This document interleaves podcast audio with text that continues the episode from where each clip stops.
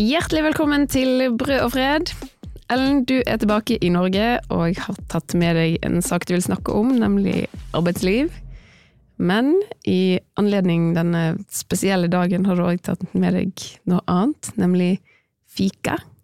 ja. Eller boller. Ja. Uh, ja, i anledning den store dagen i dag, nemlig fetetirsdag, eller fetisdagen som de sier i Sverige, så har jeg tatt med da eh, eh, semlor, som er da, på en måte Sveriges versjon av fastelavnsboller.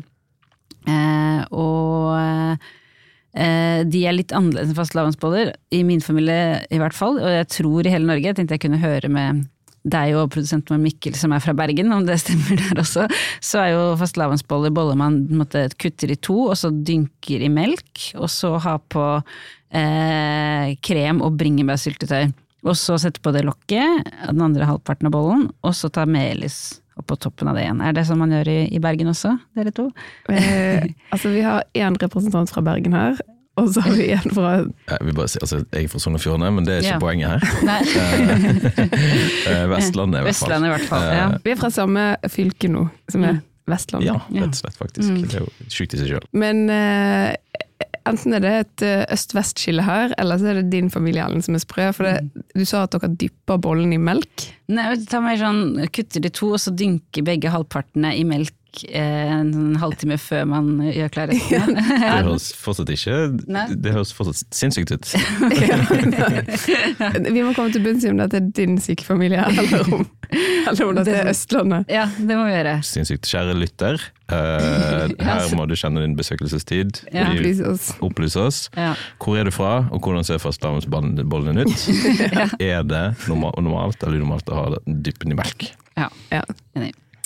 For ellers er det likt, som, eh, som holder vi på i Bergen. Ja. Krem og bringebærsyltetøy. Ja. Og med litt på toppen. Mm.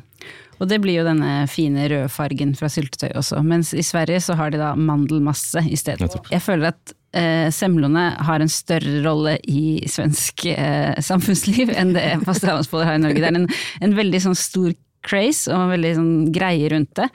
Og det er også liksom eh, mye anmeldelser av semlor.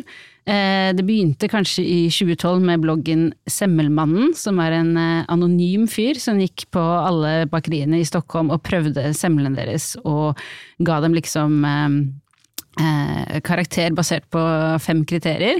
Og det var da De er da utseende, lokk, bulle, mandelmasse og gredde. Og alle disse fem får da mellom én til fem poeng, og så kan man få opp til liksom maks 25 poeng, og så man regner ut en poengsummen. Og dette begynte på Tumblr, og nå er han aktiv på Instagram.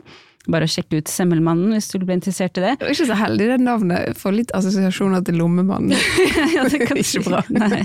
Eh, men jeg tenker vi kan jo se, vi har jo med semler da i studio i dag som er fra et norsk bakeri. Eh, vi kan jo sjekke, hva, hva tror du om, eh, om denne semlen vår, eh, ut fra de kriteriene? Um, Altså utseende. Ja. Hva tenker du Mikkel, ser, ser det bra ut? Utseende. Det ser veldig bra ut, det gjør det faktisk. Eh, Og her har vi eh, semlen Mm. på et fat. Jeg har aldri hørt om dette konseptet før, så jeg ukjent for det. Eh, har et lite svensk flagg, da Ja. kan vi virkelig presisere at dette er fra utlandet. Men det er jo det som gjør den så flott, da. Mm. Føler Ja. jeg, det, det svenske flagget. Kan man gjøre litt sånn plugging her, da? Fordi at eh, Hvis du har lyst til å se denne semlen her, så kan du gå inn på Instagrammen til Astrid Rambøll eller Ellen Engenstad. Ja, Der vi legger ut litt bilder fra podkasten. Da. absolutt. Da kan alle få se en ekte svensk semle. da kan du se en ekte semle. Eller ikke helt, da, fordi da kan vi komme til neste kategori, nemlig lokk. Og det er at eh, lokket skal egentlig være ikke liksom en halv bolle, altså den er kuttet i to og man legger på den andre delen. I, i semler er ofte mye mindre lokk, som er trekantformet. Så her har eh, man gått for rundt lokk, som er eh, et kontroversielt valg, da, for å si det sånn. Ja. Men for en av forskjellene er jo at det lokket de har er så bitte lite. Sant? Det er bare liksom en, en tygg, på en måte. Mm. Man kan ta det først, og så kan man spise bollen mer Det er egentlig positivt til utgangspunktet. Men så jeg vil si utseendet er veldig fint. Eh, Så for meg så er det en ganske høy score på utseendet. Mm. Men jeg vet jo ikke egentlig hvordan semlen skal se ut. da. Men, Nei, eh, og det eh, svenske flagget hjelper på. Eh, Lokket er jo kanskje egentlig ganske dårlig, da. Ja, Ja. la ikke til på det. Så får vi prøve bulle, mandelmasse og krem, da. Ja, for nå skal vi smake. Nå skal vi smake? Vi ser her. Mm. Altså god krem. God krem, enig. S- Sukker i den. Mm. Vi burde hatt kniv, og så vi har skje Det får ikke ut noe bulle. Det burde du egentlig fått med hvordan svenskene spiser dette. Ja, det vet jeg ikke helt, faktisk. Det må vi finne ut. Mm. Mye kardemomme i deigen. Mm. Oi, det var bra. Du har sånn fastelavnssemletunge, du. Mm, ja, mm, ja, ja, en, en ekspert. mm. um, men ja. Um, og mandelmasse. Den var litt um, Jeg skulle ønske at den var liksom grovere. Um, at man fikk mer sånn mm, mandelkonsistens. Mm. Ja, for jeg tenkte nå var det for grov. Å ja, ok. her er det ulike meninger. Og det kan vi jo egentlig da eh, snakke litt om videre, fordi eh, eh, det er ikke alle som liker at semler undersøkes av eh, kritikerstanden da, i, i Sverige. Eh, og i byen Falkland så har i år kondit kondito konditorene gått sammen og krevd at lokalavisene stopper med semmelanmeldelser, fordi og det er fordi at så mye av omsetningen står og faller på disse bollene hvert år. Og jeg tenkte vi kunne høre et lite klipp fra hvordan eh, talspersonen da for samlede konditor i Falkland argumenterer for det. Den som eh, får sämst i, i test, den kan jo tappe altså nesten 50 av utav sin eh, omsetning på fettisdagen. Og sen Ja, det er alvorlig å få dårlig anmeldelse, da. Mm, ja, så det er kanskje litt uh, feigt å liksom gå sammen og be om å ikke bli anmeldt. Det tenker Hvis ikke som forfatter eller teatret gjorde det. Men, men uh, det som er problemet, da, særlig i år, er jo selvfølgelig at bakerier på små steder virkelig sliter med strømprisen. Og hun som snakket her heter da Helene Stålblom. Hun driver stålblomstkonditori, og hun sa at hun hadde en strømregning i desember på 90 000 kroner, mot det sedvanlige 30 000, så strømregningen har liksom tredoblet, og Sverige har eh, eh, ingen strømstøtte ennå, det er på vei for eh, privatpersoner, men det er veldig uklart hvordan det blir for bedrifter som bakerier. Um, og det hun Stålblom også mener, er at Um, litt som vi var inne på her, ikke sant? Jeg syns mandelmassen var for lite grov, du syns den var for grov. Så hun mener at folk har så ulik smak at uh, liksom en, en, anmeldelse med liksom um, med til og med terningkast og alt mulig, er for, liksom, for hardt og for grovt, rett og slett, for, uh, for, boller som folk tenker ulikt om. Så hun mener at bolleanmeldelser burde være mer kollektive. Vi kan høre hvordan hun argumenterer for det òg. Det er mellom 1000 og 1200 personer som du skal spørre for at du virkelig skal få et riktig test. Jag tycker man kan absolut ha eh, konsumentupplysning men då kan man väl mer kanske prata om eh, konsistensen på bullen eller, men inte betygsätta. Så man skal skrive liksom 'denne sån mandelmasse', men jeg sier ingenting om min mening om det. Jeg bare observerer at Ja. sånn var det her. Ja, eller kanskje sånn, her var mandelmassen god, og hos de andre var eh, kanskje kremen god, og folk, jeg tror kanskje hun oppfordrer til at folk skal prøve selv, ikke sant. Eh, Gå og teste alle konditoriene, så får alle Det blir mye om sånne ting. Så jeg tenker i hvert fall eh, at eh, enten så har hun rett i at semmelsmaken er liksom for individuell til å kunne anmeldes av en enkelt matanmelder i en lokalavis, eller så er hovedproblemet at Sverige ikke har strømstøtte, og at eh, strømpriskrisen bare ikke løses i, i noen land eh, på en ordentlig måte, egentlig. Ja. Um, så det er vel kanskje heller det eh, konditoriet trenger, enn, enn å prøve å frykte An anmelderne. ja, anmelderne. Ja.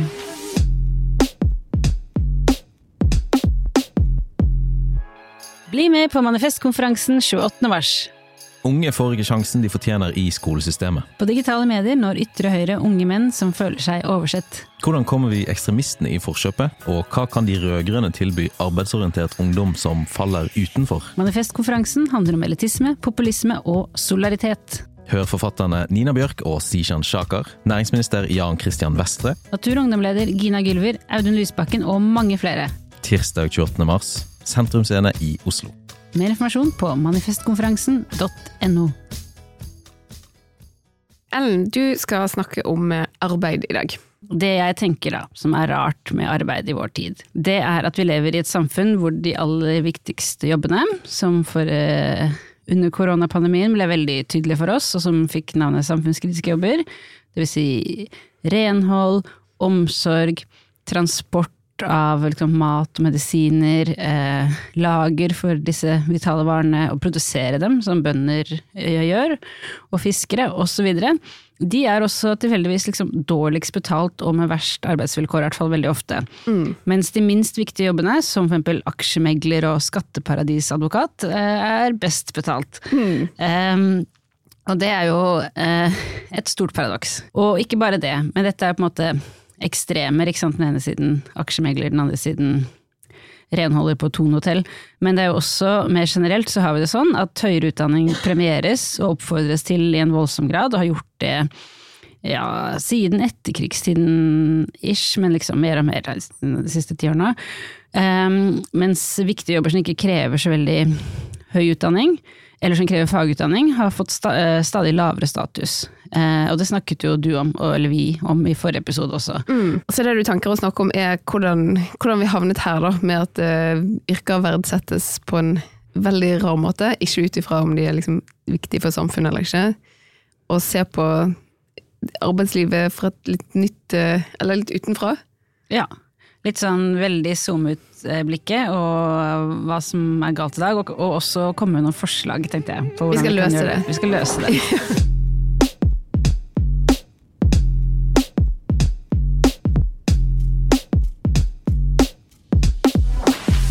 Grunnen til at vi har hatt denne eh, utviklingen hvor arbeiderklasseyrker har fått lavere status og middelklasseyrker stadig mer, og også liksom forskjellene har økt både i utdanning og økonomi, handler jo om at liksom, eh, politikerne har ønsket veldig at alle skal ta høyere utdanning. Det, vært, eh, det snakket jo du om, at det har vært så mye mas om det.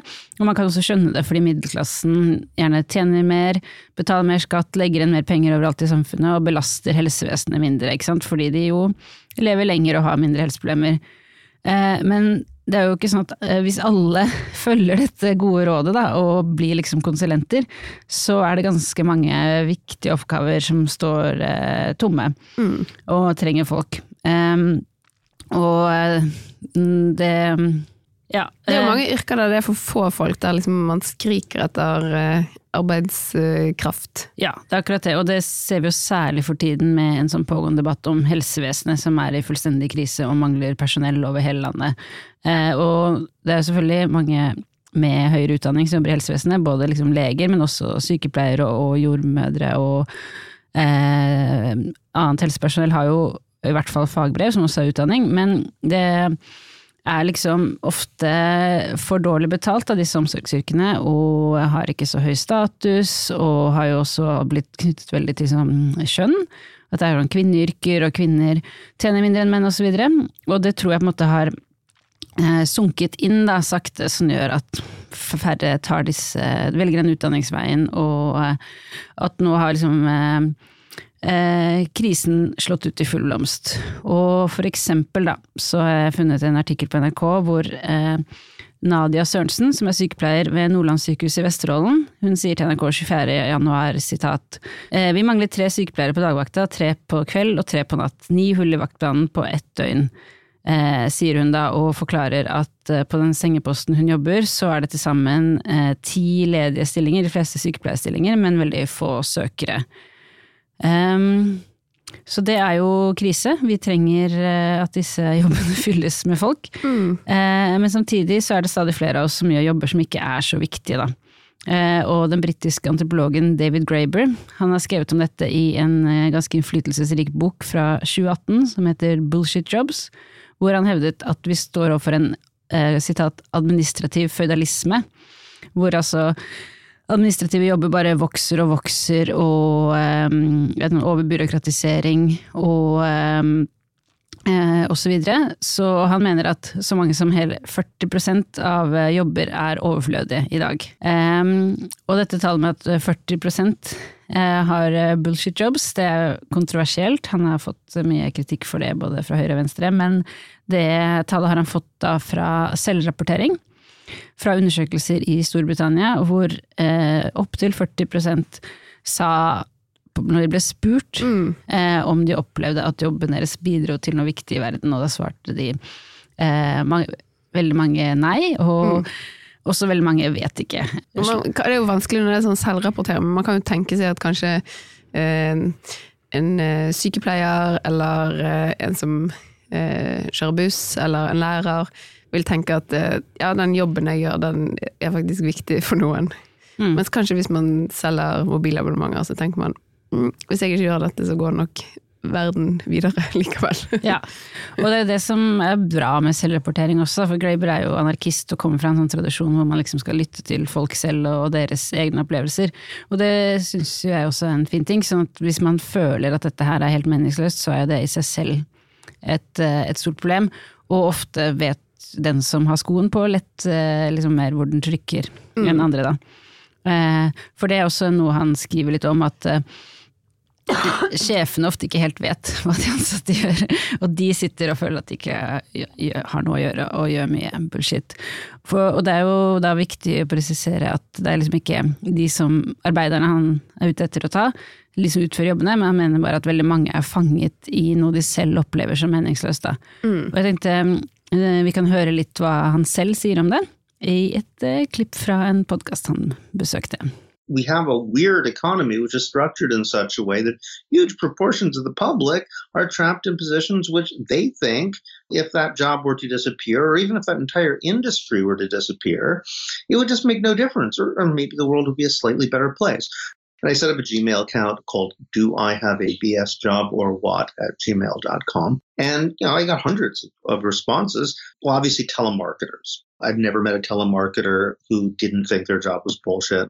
A lot of people are in middle management, corporate lawyers. I, I'm sure the upper echelons of corporate lawyers are all about justifying themselves, but pretty much everybody else who's like toiling in the legal mills, those guys say, you know, if this entire industry were to vanish, great, we'd all be better off. Men jeg sier sånn, ja, folk vet veldig når de er i bullshit-jobs eh, og ikke, og mange syns det er meningsløst, men jeg tror det er mange som kan tenke også sånn, ja, at det er kanskje ikke For eksempel hele reklamebransjen, da. Så man kan jo si er den strengt tatt nødvendig, men det kan jo hende mange syns det er kjempegøy å jobbe der. At man får gjøre mange gøye ting, selv om det er helt unødvendig, og de tjener jo sikkert masse penger òg. Mm. Så det er vanskelig å trekke noen klare, klare linjer. Ja. Men mm. han har rett i, jeg har jobbet som sånn eh, telefon... eh, ikke telefonselger, men telefon... sånn spørreundersøkelser. Markedsanalyser. Det føltes ikke så viktig. Nei, ikke sant. Nei, jeg tror han har et Selv om det fins kritikk av, av han som er um, riktig, jeg leste i et um, tidsskriftet Catalyst, det nyeste nummeret, så er det en, eh, en interessant kritikk av boka hvor, som mener at uh, Graver blander litt uh, bullshit og shit. Altså bullshit job er jo de som er helt meningsløse, som telemarketing, mens uh, det som er shit er jo da ofte å uh, ha en kjip sjef som, som bosser deg rundt, du har litt autonomi, men det kan hende det du gjør er viktig, da. Men at det blandes litt mye. Og, han, og den andre kritikken er at det er ikke sånn at noen jobber er bare bullshit og andre er bare viktige, men at, altså, så mener jeg også at det ødelegger litt skillet mellom bullshit jobs og bullshit tasks, mente han kritikeren som heter Matteo Tiratelli. Og det syns jeg også var et godt poeng, fordi, og for han mener også at hvis man skal liksom nå disse store arbeidsgruppene som venstreside, så går det ikke an å bare si sånn jobben din er bullshit, men mer sånn snakke med folk om at om det som er bullshit i deres konkrete jobb. Da. Og det føler jeg venstresiden i Norge gjør litt også, med f.eks. mye snakk om tillitsreform og kamp mot uh, skjemavelde. Ikke sant? At lærere er nødt til å fylle ut stadig flere skjemaer. Eh, sykepleiere, jordmødre alle, alle liksom, Det er mye mer sånn måling og styring hele tiden som gjør jobbene som egentlig er viktige, mindre viktige, da. Eller føles mindre meningsfulle. Mm. Ja. Men jeg mener likevel at Graeber er en av de smarteste og mest originale tenkerne venstresiden har hatt i det siste. Og han døde jo i 2020, bare 59 år gammel. Veldig trist. Men eh, vi så jo han live før den tid. Jeg husker eh, at vi var sammen på en eh, konferanse i Liverpool i 2018, det året han ga ut Bullshit Jobs, som heter World Transformed. Og da var jo han der og presenterte boka si i en sånn stor eh, slags sirkusaktig sal, som jeg husker det. Eh, og eh, snakket om boka på scenen. Veldig fin karisma, veldig fint å se han. Og da var det en dame i publikum som rakk opp hånda og sa sånn at hun hadde hørt eh, han snakke om dette i en podkast, kanskje den samme vi hører klipp fra eh, i dag, eh, og at hun hadde gjort det på jobb, da, for hun hadde ingenting å gjøre der. Så hun satt bare kjedet seg og hørte podkast. Og så hadde, det vært som han som snakket rett til henne, da, rett til hjertet. Så hun hadde bare reist seg og gått ut på dagen. og sagt opp eh, den jobben. Eh, så det syns jeg var veldig kult. Husker du dette, eller? Altså eh, Nei. jeg har liksom eh, lest om denne boken, eller tydeligvis jeg har blitt fortalt om boken rett fra David Gr- eh, Graeber sjøl, uten å huske det.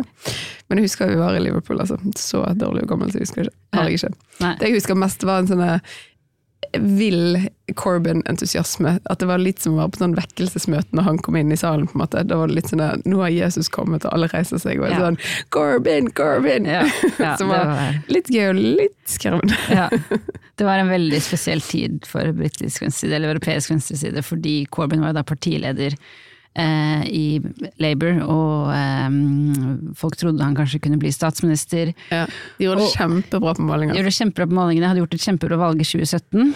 Og, eh, og liksom eh, høyresida også, høyresida i Labour var livredd, mens liksom de som var på den konferansen var da venstresida og en enorm eh, positiv stemning. Men, og denne konferansen vi var på, The World Transform, var lagt til Labours landsmøte og lå liksom noen kvartaler unna det.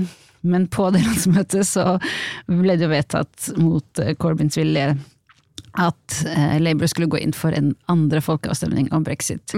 Og det var jo hvis seg å være et veldig komplisert standpunkt å formulere til velgerne. Det er jo på en måte et veldig teknokratisk og kjipt, og også et sånt udemokratisk. Ikke sant? Dere har stemt eh, en gang, men det var feil, så nå prøver vi en gang til. Ja. Eh, så samtidig som vi var der og hadde en sånn kjempe Superentusiasme. Superentusiasme og følelse, så noen kvartaler borte så ble det slått uh, beina under på. ja. Mm.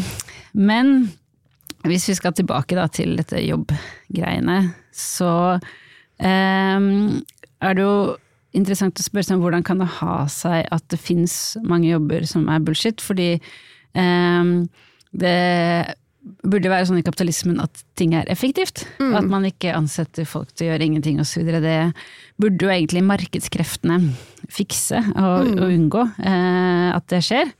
Men eh, Graby mener at det er liksom eh, flere forklaringer til det. Han mener blant annet at eh, det er mye prestisje for sjefer å ha eh, mange ansatte. At man liksom sammenligner seg med andre firmaer, så er det veldig sånn å, men eh, han som leder det der borte, som ligner veldig på mitt, han har tre assistenter. Da må ikke jeg være noe dårligere, liksom. Da ser jeg også dårlig ut. Så jeg må også ha minst tre assistenter. Og så i tillegg at det er veldig mye eh, sånne møter hvor det er lurt å ha rapporter og smelle i bordet. Selv om ingen nødvendigvis leser dem, så er liksom eh, Det, det gir liksom pondus å, ha å ha alt dette her, da. Eh, Det som man kan kalle corporate bullshit. Ja. Men eh, så det er liksom en av forklaringene hans på hvorfor eh, det er så mange kontorarbeidere da, som gjør eh, meningsløse ting. Og um, det høres jo plausibelt ut, jeg kjenner jo fra mange som jobber i store organisasjoner at det er mye tull, og også veldig mye sånn organisasjonspsykologi og prosesser og, og organiseringer og ditt og datt. Um, alt det er jo ikke unødvendig, man trenger jo faktisk eh, ting, organisasjonen som funker. men, men mye av det er nok det. Det tror jeg de fleste som har vært i, i den eh, delen av arbeidslivet har, har opplevd. Men så er også spørsmålet hvordan får man da folk til å ta jobber som oppleves som meningsløse? Og der har også Graber en teori som jeg skal gå gjennom veldig raskt. Um, og den er da som følger at um, um, på 1800-tallet så begynte borgerskapet, eller til og med før 1800-tallet, å lene seg på noe som kan kalles, eh, kalles arbeidsverditeorien, altså at det er arbeid som skaper verdier. Og grunnen til at de gjorde det, var for at de ville vise motstanderne sine, aristokratiet, at de var liksom en paria, og, eller en parasittisk liksom, klasse, som ikke gjorde noen ting. De lever, lever jo bare for, for å eh, feste og, og henge med kongen, liksom. og så, Det var folk som bare var rike og hadde arvet, og Ja, ikke sant. Ikke, ikke var direktører eller styrte noe som helst. De bare var rike adel. Ja, og sånne nyrike folk som seilet opp, borgerskap, eh, entreprenører osv., de liksom angrep dette aristokratiet med at det er faktisk arbeid som skaper verdi. Og det slo gjennom. Men så slo det tilbake på dem igjen, for da svarte arbeiderklassen med å si ja, hvis det er arbeid som skaper verdiene, og ikke eierne, så er det vel dere som er parasittene, eh, og vi som, eh, som, eh, som skaper alle verdier. Og sånn tenkte folk da utover 1800-tallet. Sier Graeber, han sier blant annet at eh, Abraham Lincoln høres ut som en marxist, og at det er mye sånn the gospel of work. at eh, at arbeid var så viktig. Og på 1900-tallet så fant da eierklassen ut at sånn her kan det ikke fortsette, for da mm. trues våre interesser. Mm. Så de begynte å lage en ny fortelling gjennom medier, de eide tankesmier osv. om at det som skapte verdiene var eh, liksom penger, da. Mm. Kapital. The gospel of wealth istedenfor the gospel of work. For da sa de sånn, ja men dere arbeidere, dere er jo bare hjul i maskineriet. Eh, og dere kan eh, jo skiftes ut som julemaskinerier hjul i maskinerier. Vi kan ta ut tannhjulet, vi kan ta ut dere. Det handler jo også om hvordan arbeidet endret seg på den tiden. ikke sant? Man mm. fikk samlebånd osv. Så, videre. så de ekte verdiskaperne, de som virkelig trengs, de som ikke bare kan byttes ut, det er ikke de som arbeider, men de som er verdiskapere, entreprenører. Og dette mener Graber at funket, da, at det ble den nye fortellingen. Eh, for, eh, for, hvordan vi tenker om arbeid. Og det høres plausibelt ut, er du ikke enig? At det er litt sånn vi tenker nå? Mye? Ja, jeg tenker jo at det er sånn, sånn er det nå, er det i hvert fall noen er veldig opptatt av å fremstille det som. Eh, høyresiden er jo veldig opptatt av å snakke om uh, de som skaper verdier, uh, som du sier, gründere, disse eierne laksebaroner, at de gjør en veldig viktig mm. jobb på vegne av samfunnet, liksom, å forvalte verdier og mm. Og man er veldig opptatt av at man skal ikke skatte arbeidende kapital. Det er for øvrig mm. et morsomt uttrykk som blander disse to. Eh, begrepene litt. ikke sant? At eh, det er kapitalen som arbeider, og ikke eh, Ikke folk. Ikke folk, ja. Eh, så det som det har ført til, er jo da at folk eh, mistet stoltheten over jobben. For det var ikke lenger De fikk jo liksom beskjed om at dere kan byttes ut og um, man skulle liksom være glad for å få en jobb. ja, måte, ikke sånn. sant. Så man må få folk til å jobbe likevel, da, når den stoltheten mangler. Det at man har knyttet arbeid veldig til eh, pietistiske idealer om å ofre seg, og at uh, det at du liksom Om det er det å være voksen, det er å liksom ha en jobb, og det er ikke sikkert du liker den, men sånn må det nesten være. Og det rettferdiggjør den fritiden du har, og muligheten du har til å konsumere ting utenfor arbeidsplassen. Mm. Det handler liksom om om disiplin, det er noe alle må gjøre, det er ikke nødvendigvis eh, gøy, og det er vel også noe vi liksom eh, kjenner igjen fra eh, arbeidslivet i dag. Og så er det jo arbeidslinja i Norge, på en måte, at det, eh, det er et veldig sånn Hvis du eh, Altså, alle som kan jobbe, skal jobbe. Hvis ikke skal du tynes på kjempedårlige sosiale stønader.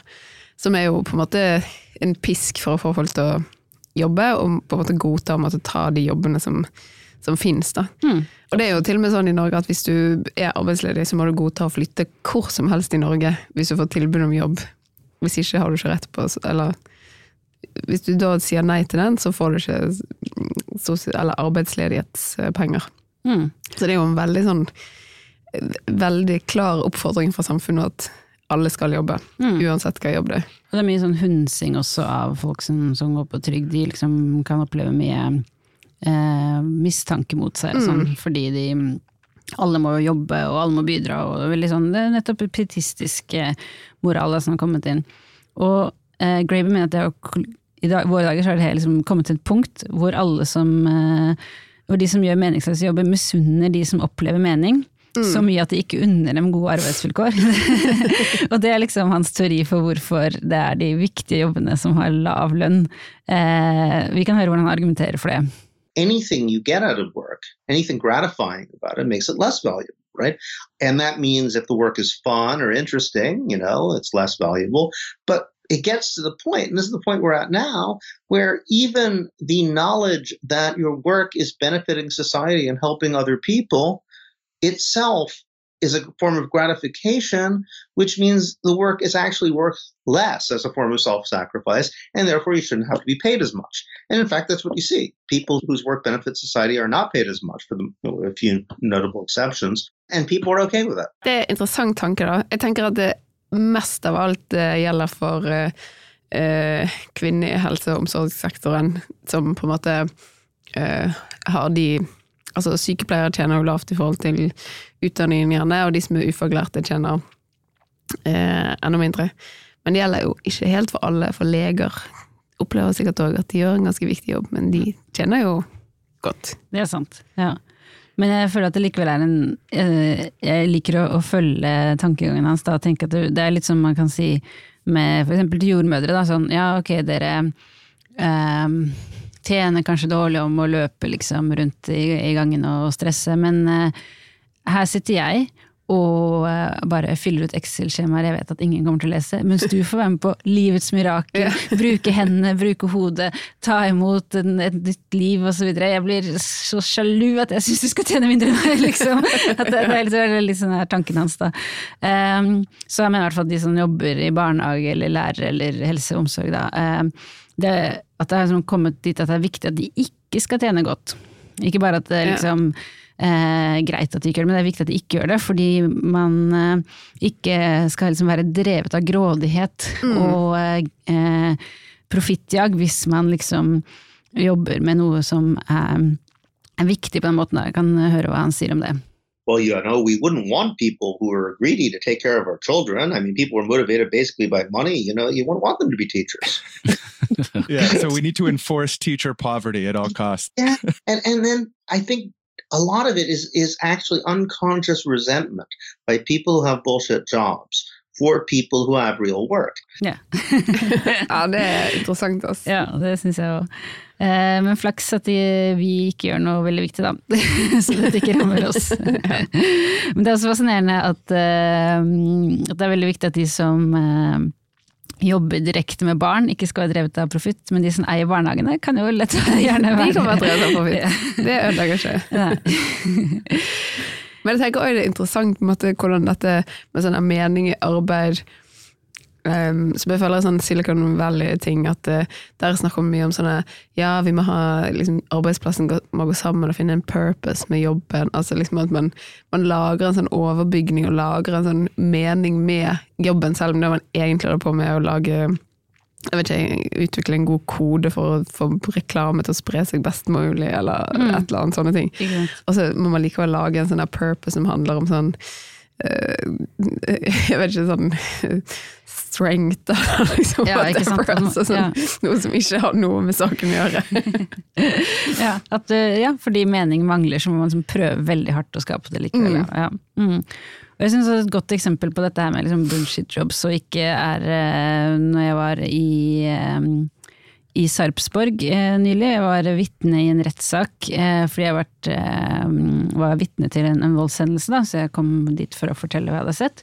Og der var det liksom, når jeg kom inn i tingretten, en, en dame som jobbet som vitnestøtte. Og hva er det?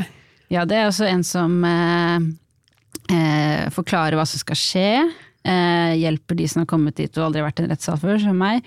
Liksom hvordan det funker. Altså, hun var liksom der for deg og fortalte Mm. opplegget til deg. Ja, for meg og de andre, og eh, også liksom eh, litt hva de spurte om, hvordan det ville være, hvordan tidsplanen var. Og, og, det, og også sånn, nå var jo akkurat Jeg var jo ikke veldig traumatisert siden jeg bare hadde sett noe som skjedde med andre, men mange er jo det. Så liksom en, sånn, en støtte, en trøst, da. Eh, for eh, av og til ganske alvorlige eh, saker. Hun sa at, eh, at hun eh, hadde et kontor der. Og nylig hadde liksom politiet vært inne og tatt stumtjeneren, hennes, fordi påfølgende uke så skulle de ha en sånn stor gjengsak oppe, og da var alt som kunne funke som våpen, ble fjernet da fra hele lokalet. så det er en ganske sånn tøff, Tøff jobb. tøff jobb. Eh, bortsett fra at det ikke er en jobb. Eh, for hun som jeg snakket med, da, veldig hyggelig dame, hun er da uføretrygdet, og i tillegg så gjorde hun dette som frivillig gjennom Røde Kors. Ja.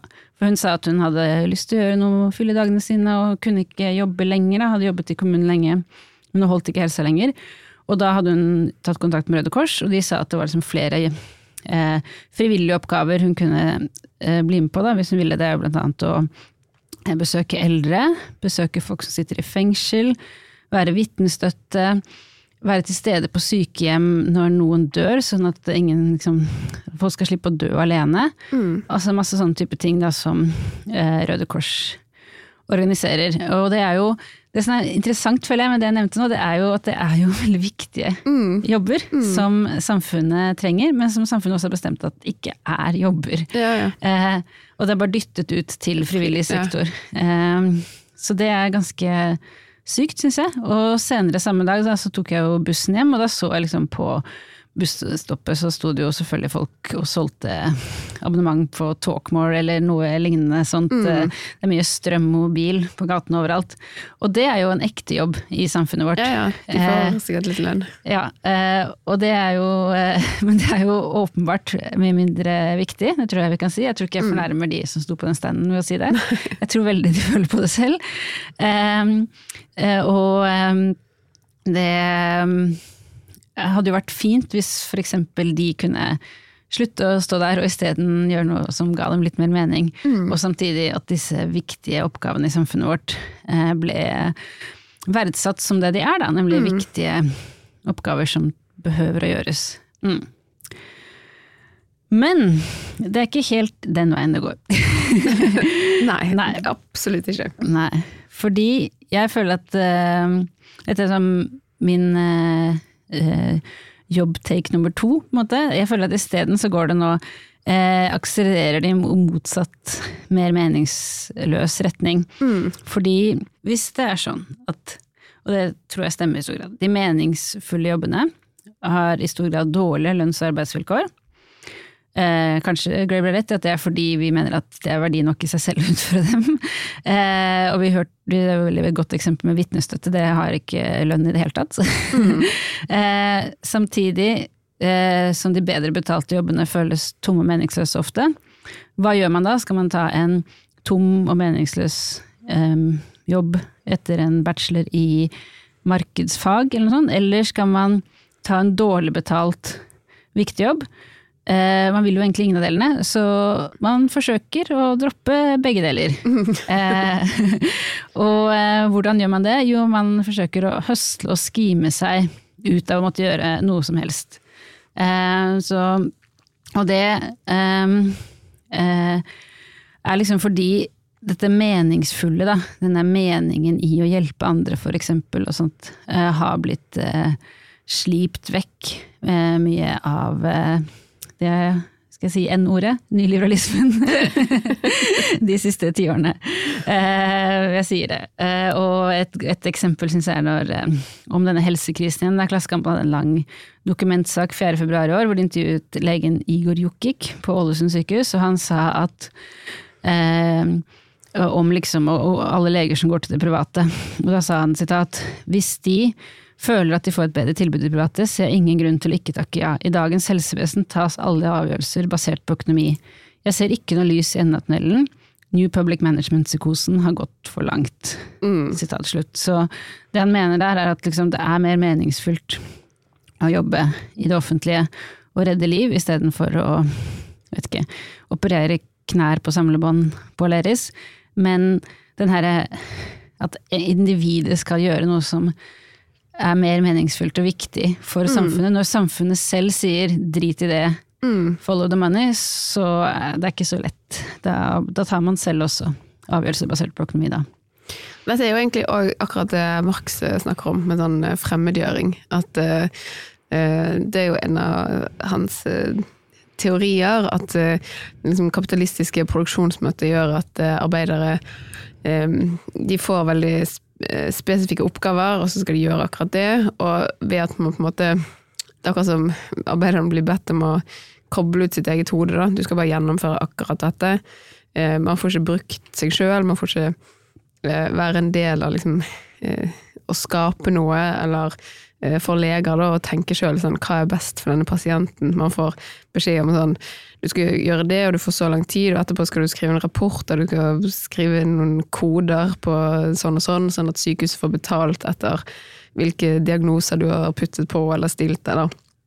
Altså at man blir så eh, styrt, da, at eh, eh, man blir fremmedgjort fra for seg sjøl. Man får ikke brukt liksom eh, sine evner på en best mulig måte, fordi alt er så detaljstyrt. Og det er jo eh, noe man liksom kanskje først og fremst snakket om, eller Mark snakket jo om dette mest i eh, um, med liksom fabrikker da, som kom inn, og folk jobbet på samlebånd. Og man gikk fra å gjerne ha en sånn eh, Man eh, lagde et helt produkt, på en måte. Hvis man var smed, så liksom gjorde man hele prosessen og fra å vet ikke, jeg smeltemetall til å lage noe som var ferdig. Ikke sant.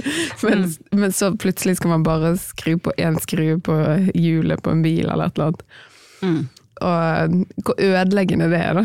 At uh, da trives ikke folk med arbeid lenger, fordi man får ikke brukt uh, det han mener er liksom menneskets natur, da. Med Mm. å være skapende og kreativ. Absolutt. Meningen i jobben blir tatt ut, da. Eh, og da har det Det har jo blitt eh, snakket om i det siste, eh, noe som heter the great resignation. At folk rett og slett slutter i jobber de ikke finner mening i. Sånn at det har blitt vanskelig, særlig etter pandemien, å rekruttere tilbake igjen folk som eh, jobbet i yrker som ble rammet veldig Mm. av den, som for eksempel kokker, servicearbeidere, renholdere, omsorgs... Folk som jobbet i flybransjen osv. Eh, og jeg syns jo på en måte at det er bra at folk ikke finner seg behandlet dårlig og tjener lite. Um, det er veldig kult at folk bare marsjerer ut, og særlig av liksom, callsentre og selgeboder og sånne ting.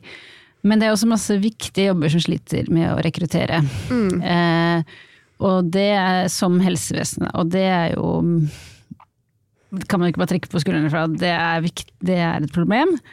Og trenden er ikke liksom å kollektivt fikse disse jobbene, gjøre de mer attraktive igjen, men isteden å forsøke å liksom komme seg unna på et individnivå. Eh, og eh, dette jeg snakket om med sånn hustle-ting, da, har blitt eh, veldig dominerende de siste årene, føler jeg. Og det handler altså om å bli rik på ting som å selge krypto, eller boliger. eh, Holde på med utleie. Hæ? Flippe boliger. Flippe boliger, eller kjøpe liksom flere og leie ut, og bli sånn rentenist, rett og slett. Kanskje bli influenser på ulike ting. Eh, forsøke å eh, selge yoga retreats eller eh, plantetips, eller jeg vet da faen. Eh, og eh, det er et nettsted som heter Mine penger, som jeg eh, eh, fikk opp i feeden min, som har liksom eh, en sånn sak som var veldig sånn typisk sånn eh, type jobb. Og eh, eh, den kunne jeg ikke lese, for jeg har ikke innlogging, jeg har ikke råd til det. men, da, men da så jeg at det var liksom kjempemange andre saker eh, fra samme side da, som, som bare beskrev fenomenet igjen og igjen og igjen. Så jeg tenkte bare kunne lese de overskriftene veldig kjapt. Ja. Da er det første her, sitat. Helene, 26, håver inn millioner på kreativt vis. Sitat. Pengene kommer av seg selv. Oi, nå har funnet en god løsning. Ja. Her er en annen. Ekteparet kastet seg på trusetrend. Solgte for over 400 000 første året. Neste. Dennis, 28, har fem ekstrainntekter. Mye enklere enn folk tror. Eh, og videre. Tjener gode penger hjemmefra. Jobber mens jeg gjør andre ting. Og til sist, Iselin tjener 15 000 på seks dagers jobb. Koser meg hvert sekund. Eh, og alt dette her høres jo veldig gøy og lukrativt ut. Jeg vet jo ikke hvordan, fordi jeg ikke kjøper eh, tilgang. Men det er veldig sånn eh, eh, Trenden er på en måte eh, raske penger, da. Ja. Eh, og forsøke å eh, paradoksalt nok kanskje unngå å jobbe ved å jobbe ved Ja. siden av det, eller liksom, og også bli liksom sin egen herre og sånn. Og nå, jeg skjønner godt at folk vil, hvis liksom alternativet er å er et arbeidsmarked som ikke gir mennesker eh, muligheter til å utfolde seg, eller mening, eller eh, Ja, for man kan jo tenke at selv om det virker litt sånn eh, Ok, dette ekteparet som tjente 400 000 på truse et eller annet, vi kan jo lure på hva, hva var det? Solgte de brukte truser? Eller? Ja. Men kanskje hvis det ikke var det, da. De bare solgte noen form for truser. Så, så er det jo kanskje det er jo mye mer eh, utfordrende og spennende å på en måte prøve å starte noe nytt, og mye vanskeligere. Men, men hvis man lykkes, må det jo òg være eh, Hva heter det? Altså veldig tilfredsstillende eh, å, å få noe til, da. Eh, selv om det på en måte er noe så merkelig som å selge truser. Så, så vil jeg bare tenke at det, det gir en større sånn her glede eller boost, på en måte, enn å gå på jobb og gjøre akkurat det du har blitt fortalt du skal gjøre, om igjen og om igjen og om igjen. Mm, eller for eksempel da Grabers eh, Ja. bullshit-kontorjobber hvor du skriver rapporter, du Ingen vet leser. ingen leser Ja. sånn. Mm, ja. Um, men det som Så jeg liksom støtter egentlig at folk eh, sier litt nei. Eh, Gå eh, til denne type Å bli bosset rundt. Men det som er problemet med denne type hustle-praksis, er jo at den er eh, akkurat som borgerskapet anklaget aristokratiet for i gamle dager, og arbeiderne i borgerskapet. Den er jo på en måte parasittisk, ikke sant. Ja. Ehm, Det løser ingen samfunnsproblemer. Nei, at, det eh, løser ingen samfunnsproblemer om, man, eh, om vi alle leier ut boliger til hverandre, på en måte. til blodpris. Eh, vi er helt fucked som samfunn om ingen jobber i helsesektoren. eh, og, men vi er ikke fucked om vi blir kvitt eh, bolighaiene. Eh, og dessuten så eh, tror jeg også at dette hustle-markedet speiler arbeidsmarkedet veldig i at det er noen veldig f tydelige få vinnere og mange tapere, da. Sånn at det er eh, med denne type saker i dine penger, så kan jo folk bli liksom inspirert og bare kanskje jeg også skal slutte, kanskje jeg også skal begynne med krypto, daytrade krypto på heltid. Men problemet det er jo at det fins liksom noen som virkelig kan det, og de har en tendens til å eh, lure og, eh, og riste ut de småfiskene. Eh, så det er veldig sannsynlig at du ikke tjener stort på det og får 150 000 på en uke. Mer sannsynlig at du blir slukt av de store fiskene og eh, måte taper i den her eh, veldig individualistiske hustle-gamet. Som, eh, hvor det også er veldig lite sikkerhetsnett eller hjelp å få hvis det skjer, da. Mm.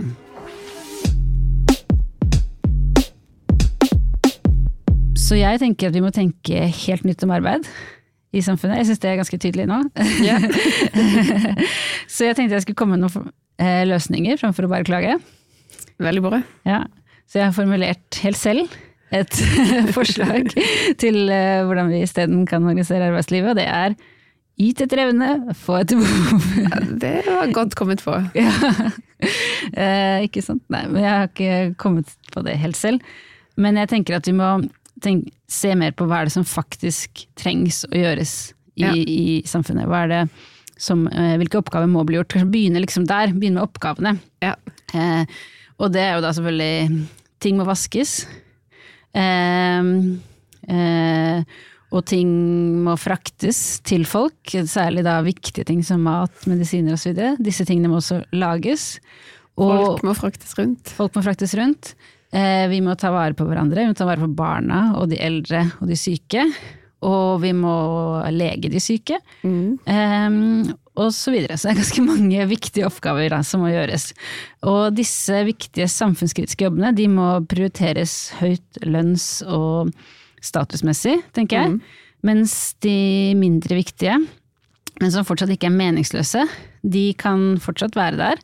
Um, men de behøver ikke å ha mye høyere lønn og status, tenker jeg, enn renhold, renovasjon osv. Og, og hva mener jeg med liksom mindre viktige, men ikke eh, meningsløse jobber? Da tenker jeg eksempel våre jobber. Et veldig godt eksempel på det. eh, fordi jeg syns ikke det er bullshit at eh, jeg er med på å lage bøker som folk kan lese og få noe ut av osv. Eh, jeg syns ikke det er bullshit at du jobber i Manifest Tankesmie og eh, liksom opplyser offentligheten om skole og energipolitikk osv. som du holder på med. Det er heller ikke eh, eh, meningsløst å lage podkast, syns jeg faktisk. Fordi folk liker å høre på det. Jeg får veldig mye ut av de jeg lytter på selv. Eh, så, så det, jeg mener ikke at eh, jeg er ikke sånn arbeiderist som er sånn bare arbeiderklassen gjør noe viktig og alle vi andre må piske oss selv. Det er mer det at eh, eh, vi, det vi gjør er liksom ikke bedre eller viktigere enn Nei. å passe på barn eller pleie eldre eller kjøre bussen.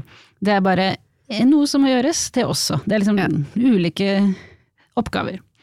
Det som er viktig, er på en måte å frigjøre folk fra de jobbene hvor de selv føler sånn det her har ikke jeg lyst til å gjøre, dette her er helt meningsløst, jeg kjeder meg, jeg bidrar ikke med noen ting. Og da eksempel hun, hun eh, dama som rakk opp hånda på det Graber-foredraget og sa jeg bare marsjerte ut fra jobben da jeg hørte din teori.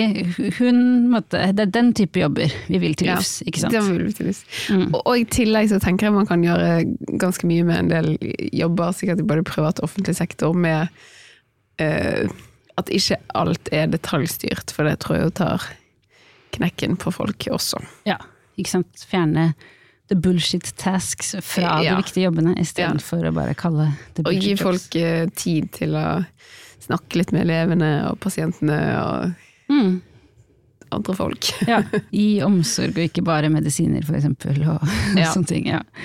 Um, og så Så det var ett forslag. Og det neste er jo at eh, de bullshit-jobbene som eh, Ja, eller altså de bullshit-jobbene som ikke bidrar med noe, og som folk uansett hater, de kan ryke. Og det kan også direkte skadelige jobber, som finansspekulasjon og andre parasittiske muligheter for eh, de rike til å tjene mye mer enn alle andre.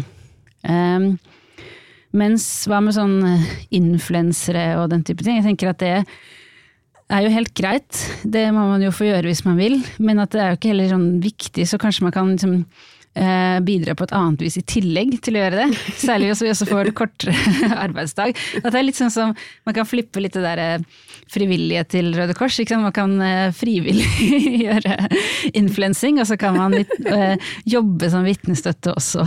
Ja. Hvis du skal være influenser, så må du også jobbe litt frivillig. Ja, ja, for eksempel.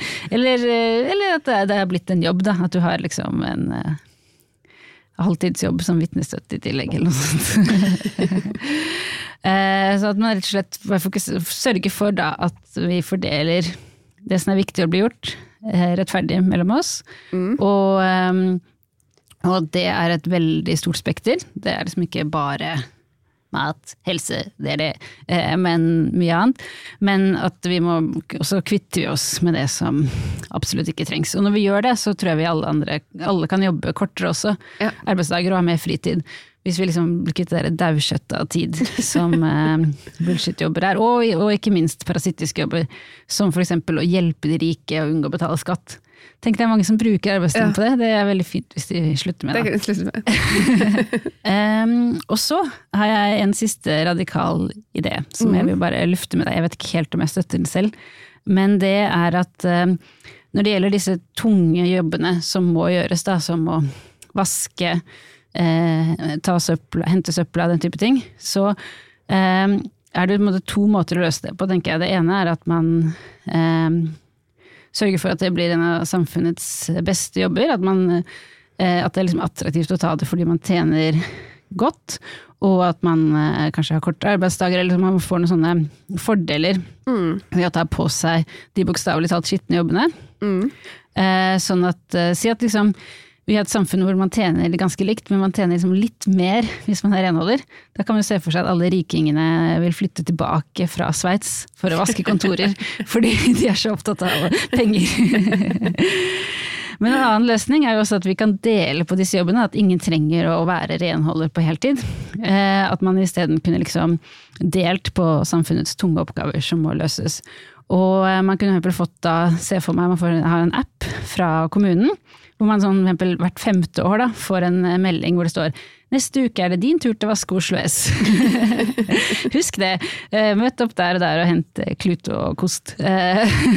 Og jeg tenker at det hadde sikkert vært ok da, å gjøre, om du visste at alle gjorde det. Om du visste at i dag er det meg, i morgen er det Svein Erik Hagen, og, og på fredag er det sjefen min, osv. Um, og David Gravy påpeker at eh, dette her er faktisk en gammel idé.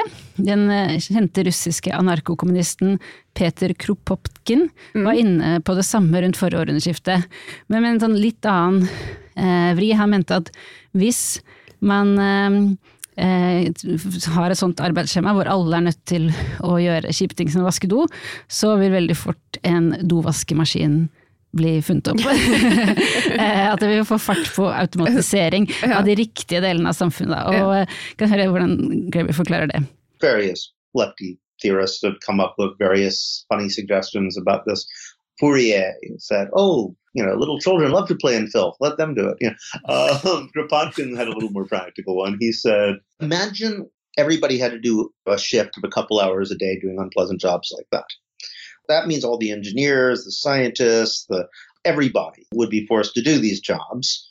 I bet you toilet cleaning and coal mining robots would be invented in a matter of months." Ja, for jeg tror for det er ett problem med den at sånn alle skal vaske litt på tur. For det Hvis ikke det liksom leder frem til at eh, man kommer opp med liksom en ny maskin eller sånn. For det forutsetter jo at alle er like flinke til å vaske. Ja, det er sant. Og hvis man har kanskje bodd i kollektiv eller noe, så vet man at det, det stemmer ikke. Nei, det har du helt rett i. Det stemmer virkelig ikke. Så er det ikke alle jobber som skal erstattes av maskiner. Det er jo, det er jo mye som gjøres på sånn eldreomsorg der nå, med at eh, eldre bare skal ha en eh, sånn robot hjemme som sier sånn 'Nå skal du ta medisinen din', og liksom menneskene erstattes, da. Og det er jo noe trist. Ja, det er veldig trist. Det må vi ikke gjøre. Jeg tenker mm, heller sånn coal mining-maskin enn en Ja. passe. Eh, Ja, ja. enig. Ja. Men det er i hvert fall dette som er situasjonen nå, da. At det er fullstendig meltdown i velferdsstaten, helsevesenet. Alle oppfordres til å sidehustle seg ut av meningsløse jobber. Og eh, den type ting eh, florerer mens de meningsløse jobbene kneler, da. Så siden det ikke kan fortsette, så vil jeg eh, ydmykt anbefale politikerne å se litt på de forslagene vi hadde nå. Veldig bra. Og jeg tenker at liksom eh, den eh, dag, dagens teknologi, hvor langt vi har kommet nå siden Kropotkins tid, kan liksom hjelpe oss da, til å både få på plass sånne arbeidsskjemaer, som man kan fordele jobber eh, rettferdig, men også eh, ja, automatisere det viktige, og igjen ikke bare det markedet etterspør at det automatiseres. da.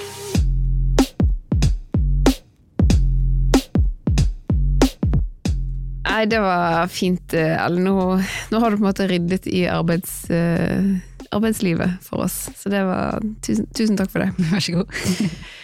Men uh, helt til slutt i dag, før vi gir oss, så vil vi sjøl uh, kanskje høsle litt. Jeg vet ikke. Vi kan i hvert fall eh, eh, Altså vi, vi kan jo ikke leve av eh, Vi trenger mer enn eh, mat og vann eh, og brød og fred. Vi trenger også litt eh, kultur og, underholdning og podkaster. Og det er ikke helt eh, gratis å lage denne podkasten. Eh, nei, vi jobber jo ikke gratis, det har vi ikke mulighet til. Så vi lager denne podkasten innenfor rammene til den jobbstarter medbedriften Manifest Media. Eh, der er det allerede noen ansatte, annet vår produsent Mikkel, som dere hørte i begynnelsen her. Han skal ha en skikkelig lønn, for det fortjener alle. eh, og eh, det skal vi prøve også å få til helt uten reklame og betalingsmurer. Men for å få til det, så trenger vi at folk støtter Manifest Media med en slant frivillig, da, framfor en sånn mursperre. Ja. Så hvis du har eh, ørlite penger eller eh, millioner til overs, så er det bare å vippse i vei. Eh, Det går da til hele mediebedriften og bidrar til at vi kan produsere Brød og fred, men òg til de andre podkastene, Mumir og Marsdal og 5080 Nyhetskontrollen. Som er de tre podkastene som er kommet så langt, men stay tuned, det kommer stadig mer. Hvis du da har noe penger, vips til 79 26 46. 79 26 46. Ok, god, fete tirsdag videre.